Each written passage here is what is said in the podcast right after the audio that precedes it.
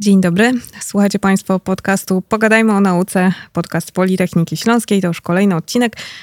Katarzyna Siwczyk, witam Państwa. Ze mną gość, doktor habilitowany inżynier Robert Michnik, profesor Politechniki Śląskiej. Dzień dobry. Dzień dobry, witam serdecznie. Profesor z Wydziału Inżynierii Biomedycznej, który zajmuje się między innymi zdrowym stylem życia.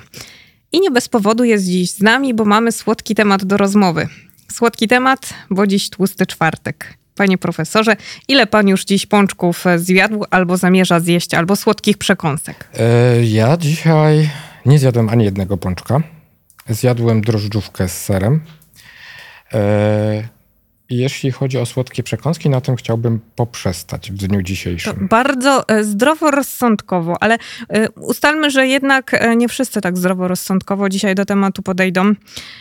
I raczej jest w nas pewnie spore grono słuchaczy wśród nas, które sobie pofolguje. I jeśli zjedliśmy ciut za dużo, to nawet nie jest problem, żeby nas nie posłuchać, bo można się rozsiąść na kanapie i teraz możemy do tych osób przemówić, bo wszyscy sobie mówimy, a tłusty czwartek, no dobrze, e, zjem jakiegoś pączka, ale to oczywiście z umiarem i tu się zaczynamy zastanawiać, co to znaczy z umiarem. E, panie profesorze, czy przekąski naprawdę e, szkodzą, takie słodkie przekąski, jeżeli są e, w, w, dużych ilościach, ale mm, to my wszyscy wiemy, tylko pytanie, e, w którym momencie przekraczamy tą granicę zdrowego rozsądku i słowo umiar już, już, już przestaje istnieć. No to faktycznie, dzisiaj pierwszy tłusty czwartek, to ja skoryguję. To ja dzisiaj muszę koniecznie zjeść pączka. Dlaczego to pod koniec tej wypowiedzi E, też powiem. E, no po pierwsze, drodzy Państwo, zdajmy sobie sprawę, że żeby funkcjonować, musimy naszym organizmom dostarczać energii. Tą energię dostarczamy w postaci spożywanych e, produktów. Tak naprawdę po naszych przodkach odziedziczyliśmy takich szereg takich mechanizmów, które pozwalają nam dobrze funkcjonować w naszej otaczającej rzeczywistości. Wtedy, kiedy jemy, na przykład wyzwalają się hormony szczęścia. Jemy, Nasz organizm wytwarza hormony, które powodują, że fajnie się czujemy. E, w przypadku jedzenia słodkich przekąsek przede wszystkim e, wytwarza się hormon szczęścia dopamina. E, on się też uaktywnia wtedy, kiedy spożywamy alkohol bądź też jakieś używki. Także ja osobiście powiem szczerze, w samym jedzeniu słodkich przekąsek nie widzę nic złego, bo wyzwala się po ich zjedzeniu hormon szczęścia, dopamina. To jest fajne. E, natomiast e, musimy mieć świadomość tego, że słodkie przekąski są zawsze wysokokaloryczne. Przeważnie są wysokokaloryczne. Więc e, dostarczamy dużą dawkę energii, dużą dawkę węglowodanów, tłuszczów, a jeżeli przesadzimy, to mamy tutaj znowu kolejny taki ewolucyjny mechanizm, który powoduje, że te wszystkie nadwyżki energii, których nie zużyjemy, przetwarzają się w tłuszcz i nabieramy masy. E, obiecałem powiedzieć, dlaczego w tłusty czwartek e, należy koniecznie zjeść pączka. E, no bo tradycja mówi, że ten, kto zje w tłusty czwartek pączka, będzie szczęśliwy. E, I to jest istotne, także zachęcam wszystkich do zjedzenia pączka w tłusty czwartek, bo to nam zapewni szczęście. A jeżeli by Państwo chcieli się dowiedzieć, w jaki sposób faktycznie spowodować, żeby po tym zjedzeniu pączka to szczęście do nas, e, e, przy, przyszło do nas to szczęście. Zachęcam do przeczytania artykułu o tłustoczwartkowych kreplach przynoszących szczęście. Ten artykuł dostępny jest na stronie projektu After COVID, który prowadzimy. I to jest e, właśnie informacja do tych, którzy uważają, że naukowcy zajmują się sprawami, możemy użyć tego sformułowania z kosmosu, które nas nie dotyczą. A proszę tutaj kreple, tłusty czwartek, to wszystko jest na nasz temat. Co ma zrobić zatem y, łasuch, y, żeby nie nabawić się chorób, ale też nie odmawiać sobie przyjemności? Da się to połączyć? Da się połączyć. No, no, po pierwsze, tak jak już wcześniej mówiłem, nie widzę nic złego w jedzeniu słodkich przekąsek, pod warunkiem, że dbamy o to, żeby tą ilość energii, którą dostarczymy w zasadzie ze wszystkich produktów, nie tylko ze słodkich przekąsek, e, zużyć. E, jak zużywamy, tą energię no, zużywamy ją wykonując aktywność fizyczną. Tylko ten umiar to chyba każ w każdym przypadku jest zupełnie inny, bo mamy y, różną sylwetkę, mamy różne zapotrzebowanie, jedni są bardziej lub mniej aktywni fizycznie. Jak to sprawdzić, y, że właśnie taką ilość pączków mogę dzisiaj zjeść i w sumie nic mi nie zaszkodzi y, taka ilość kalorii?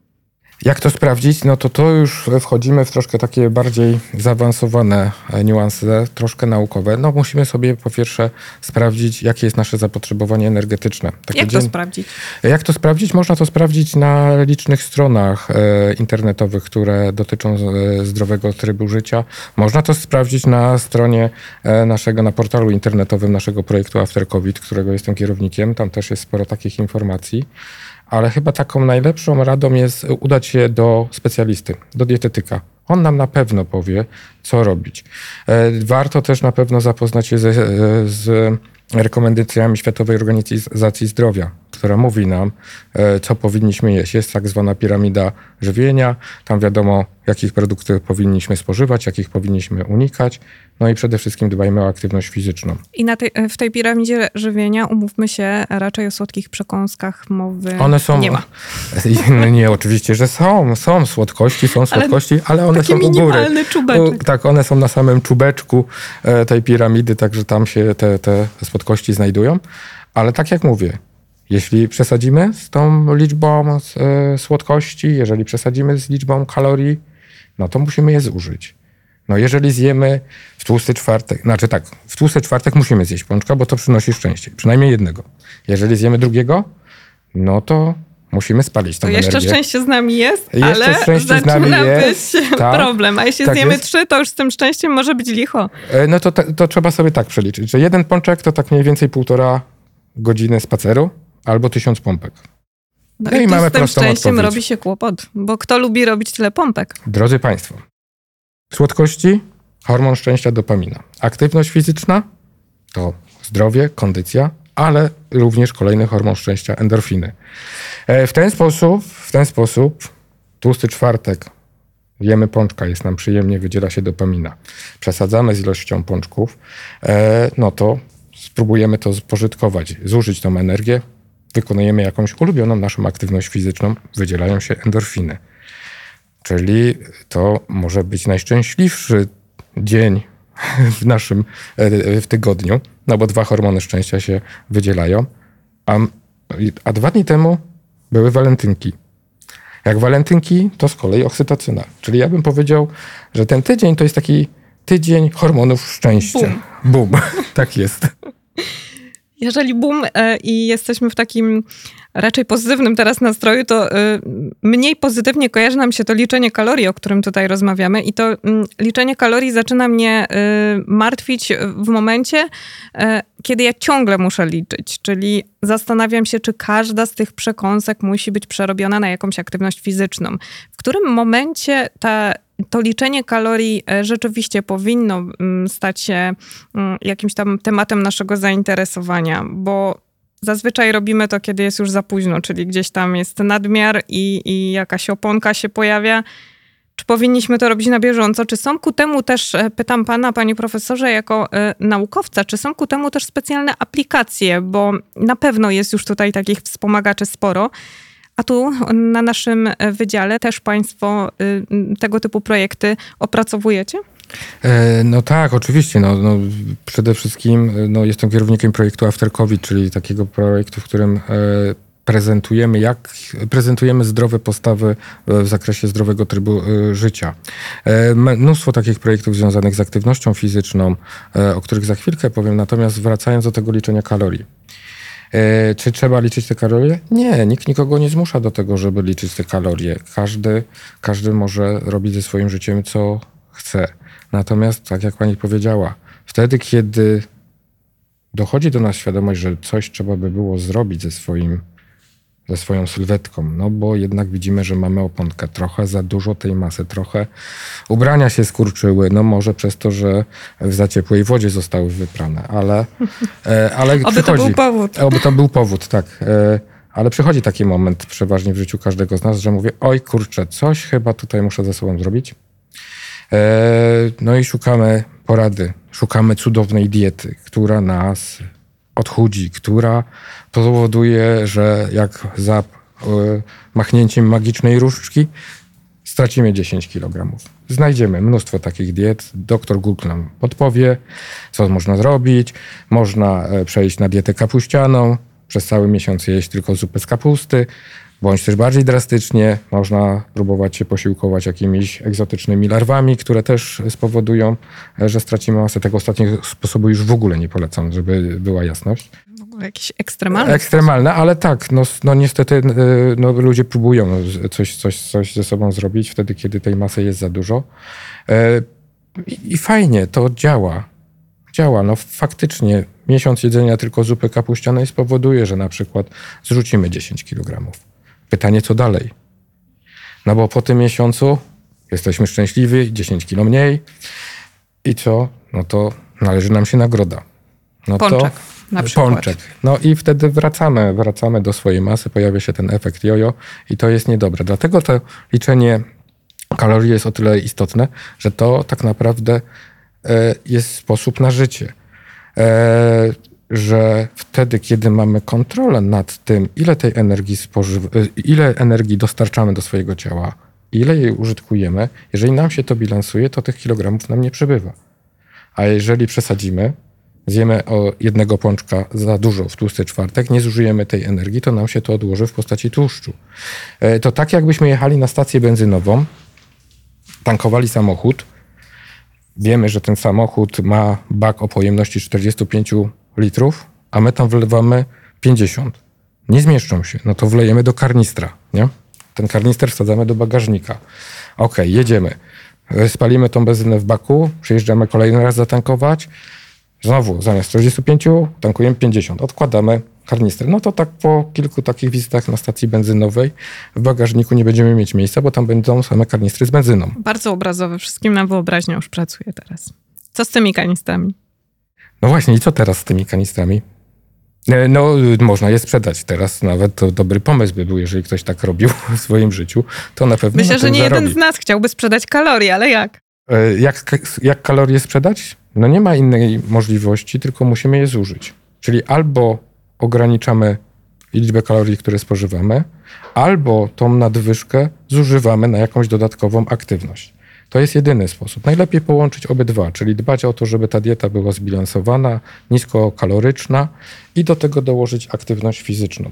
Te dwa czynniki na pewno spowodują, że będziemy w dobrej kondycji, w dobrym zdrowiu. Umówmy się, że każdy z nas jest w stanie sprawdzić, e, jako, jakie zapotrzebowanie kaloryczne ma danego dnia przy konkretnej e, dawce dodatkowej aktywności bądź nie. Mhm.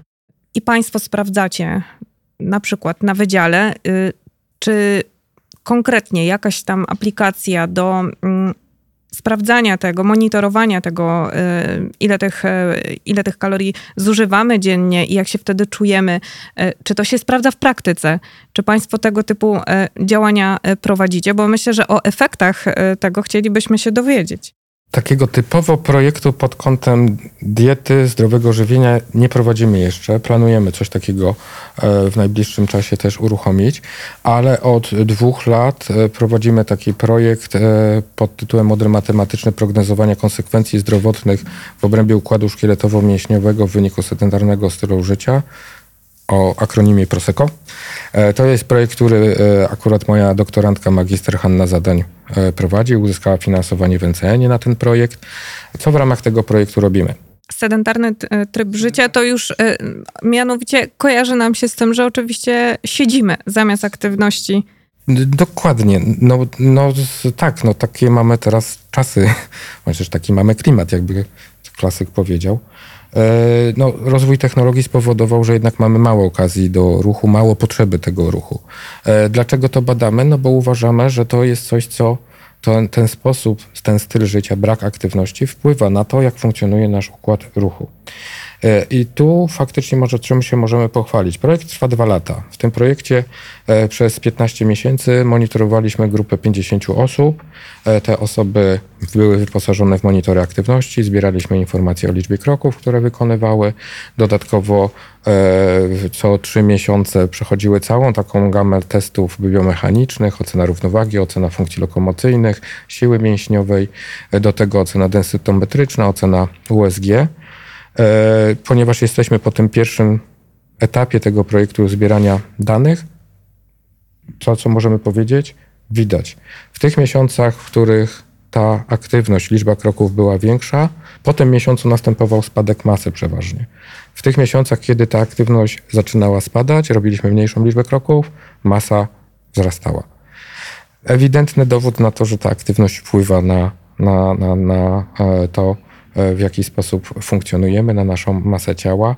E, zresztą mnóstwo jest publikacji, które pokazują, że jeżeli jesteśmy aktywni fizycznie, jeżeli zwiększymy naszą aktywność fizyczną, to albo zrzucimy masę, albo wydłużymy swoje, swoje życie.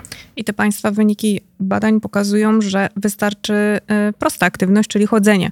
Jak to się ma w takich e, wynikach? Jak to, jak to jest z obrazowaniem? Bo WHO po, po, tutaj podpowiada, żebyśmy minimum te 10 tysięcy kroków dziennie zrobili. E, to dla niektórych jest dużo, zwłaszcza w okresie zimowym.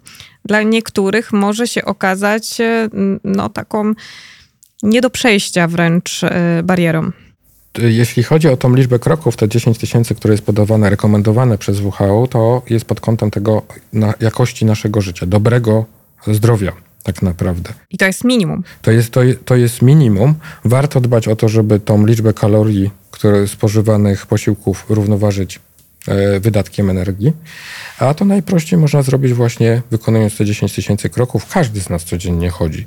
10 tysięcy kroków, drodzy Państwo, to jak sobie podzielimy na 10 i co godzinę będziemy robić 1000 kroków, to to już jest trochę lepiej, nie?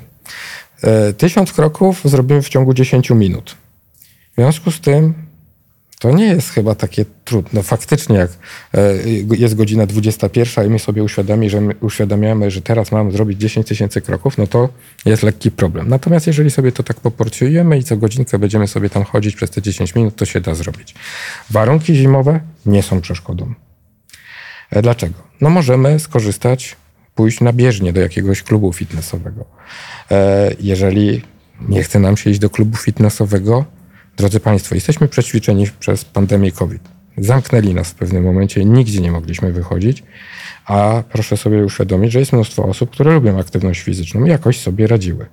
W internecie znajdą Państwo filmiki, jak te osoby biegały na przykład po balkonie, nie naruszając obostrzeń covidowych. Da się. Jak ktoś się uprze, to nawet w domu te 10 minut co godzinę może sobie pospacerować. Grunt, żeby nie znajdować e, wymówek grunt, żeby znaleźć motywację do tego, żeby to robić. O. Czyli takie. inaczej. A są jakieś wspomagacze, które mogłyby nas y, rzeczywiście y, jeszcze bardziej zachęcić, bo my, y, wspomagacze, oczywiście to mogło nie zabrzmieć poprawnie, ale chodzi nam o wspomagacze technologiczne. Wspomagaczy technologicznych mamy bardzo dużo. No bo, no bo tak, Światowa Organizacja Zdrowia mówi, macie robić 10 tysięcy kroków, będziecie zdrowi. Ale jak to liczyć? I teraz no mam właśnie, zegarek na przykład, prosta sprawa.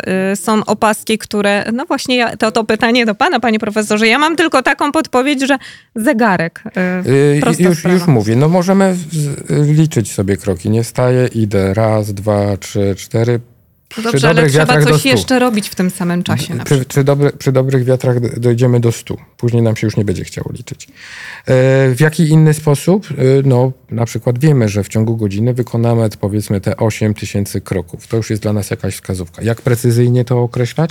No mamy te wszystkie monitory aktywności, te smartwatche, które te, e, tą liczbę kroków automatycznie za nas liczą. Mają one jeszcze jedną fajną rzecz – że nie dosyć, że liczą, to te dane przesyłają do smartfona, mamy aplikację, która te dane zbiera i od razu widzimy. Widzę o godzinie 16, że dzisiaj zrobiłem 5000 kroków. No to wiem, co jeszcze przede mną. Mało tego, wszystkie monitory aktywności posiadają w sobie e, również pulsometr. Możemy mierzyć puls. Czyli mamy już dwa parametry, które mówią nam o jakości naszego zdrowia. Czy jesteśmy aktywni fizycznie, jaki mamy puls. Mamy te dane zapisane w smartfonie, w związku z tym możemy sprawdzać na bieżąco, kontrolować, jak wygląda stan naszego zdrowia. A Państwo na wydziale prowadzicie projekt Smart i on ma cokolwiek wspólnego właśnie z tymi aplikacjami? Projekt Smart. Projekt Smart e, to jest taki system e, wspomagania treningu sportowego, racjonalizacji treningu sportowego realizowany wspólnie z Akademią Wychowania Fizycznego e, e, oraz firmą Comfortel.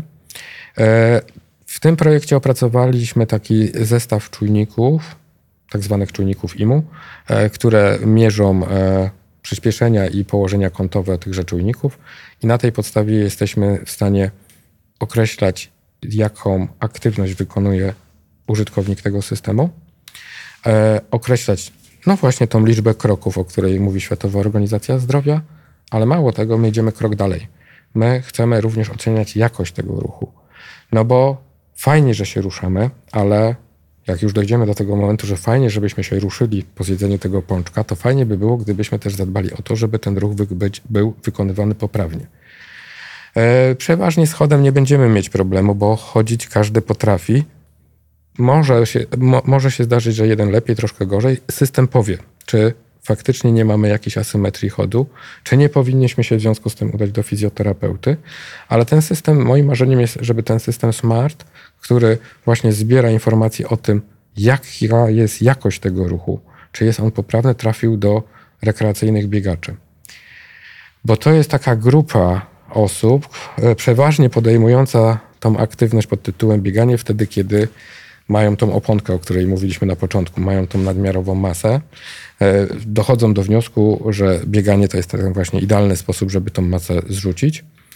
E, zapominają o jednym, że niestety wszystkie dane statystyczne w publikacjach naukowych pokazują, że grupa tych biegaczy rekreacyjnych w ciągu roku od podjęcia tej aktywności ulega urazom. 70% tych biegaczy rekreacyjnych w ciągu roku od podjęcia aktywności ulega urazom. Dlaczego? Dwie przyczyny. Po pierwsze, nadmierna masa. Po drugie, po drugie nieprawidłowa technika biegania. Czyli nawet zaczynając jakąś aktywność, żeby to e, słynna, e, słynne powiedzenie, że sport to zdrowie się sprawdziło, to trzeba najpierw sprawdzić, czy to aby dobrze e, każde ćwiczenie jest wykonywane. Tak? Dokładnie tak. Dobrać, jeżeli już jesteśmy na tym etapie, że decydujemy się na tą aktywność fizyczną, bardzo fajnie, cieszę się, ale to spróbujmy skorzystać z porad profesjonalistów. Udajmy się do trenera personalnego, udajmy się do fizjoterapeuty. Oni na pewno nam powiedzą, jaka aktywność będzie dla nas dobra. Po drugie, powiedzą nam, jak tą aktywność wykonywać. To, co mówiliśmy przed chwileczką o tych biegaczach, żeby nie było takiej sytuacji, że trzecim miesiącu od momentu, kiedy zaczynam biegać, na przykład zerwie mi się ścięgno Achillesa, bo wtedy faktycznie będzie to sport, to zdrowie, ale w tym takim cudzysłowie. Martwimy się trochę o sportowców, którzy już coś robią albo mają chęci robić, ale najbardziej, jeśli chodzi o aktywność e, fizyczną, może to jest tylko e, moja obserwacja, ale chyba nie tylko. Widzimy wszyscy, że młodzież e, coraz mniej chętnie korzysta z lekcji wychowania fizycznego. Bunt. E, nie wszystkie dzieciaki aktywnie uczestniczą w tych zajęciach. Mamy do czynienia już z jakimś problemem z tego względu, że mm, technologia bardziej przyciąga zainteresowanie. Obyśmy się mylili, oby wszystko się zmieniło, ale co zrobić w tym wypadku, żeby młodzież, żeby dzieci zachęcać jednak do aktywności fizycznej? Da się połączyć to może z technologiami. Oczywiście, że się da, da, da się to połączyć. To, ta kwestia tego, tego niskiego poziomu aktywności wśród dzieci no, jest faktycznie jeden z, z dużych problemów. No, nie czarujmy się. No. Wystarczy, że wyjdziemy na zewnątrz, y, widzimy dzieciaki, które wyglądają jak pączki, o których zaczęliśmy mówić. I to jest dla mnie y, przerażające. Jest taka tendencja wśród dzieci, że jednak niechętnie korzystają z lekcji WF-u. Y, a to tak naprawdę w moim, w moim odczuciu troszeczkę jest to też wina dorosłych, rodziców. E, no bo jeżeli rodzice unikają aktywności fizycznej, e, mają niezdrową dietę wysokokaloryczną, no to te nawyki się przenoszą na dzieci. To jest pierwsza e, przyczyna. Druga taka przyczyna mm, Czyli tutaj kwestia samej świadomości, da się to jeszcze naprawić. Natomiast druga rzecz, która mnie troszeczkę bardziej przeraża, e, spora część rodziców, nie mówię, że wszyscy, także prosiłbym, żeby się tutaj rodzice też nie obrazili zaraz za to, co powiem, e, no próbuje te, te swoje dzieci otaczać takim parasolem ochronnym. Chronić przed wszystkim, czym się da. Na przykład, jak dziecko ma iść do szkoły, to go odprowadzają, no bo po drodze są dwie ulice, przez które to dziecko ma przejść. No bo jest ciemno, bo pada deszcz, cokolwiek. A potem brakuje kroków. A, a potem brakuje kroków, no bo najczęściej wtedy samochodem y, to dziecko jest odwożone i wtedy jeszcze korki się robią koło szkoły i w ogóle y, takie historie. Niestety, niestety również część rodziców y, w ten sposób podchodzi do aktywności fizycznej dzieci.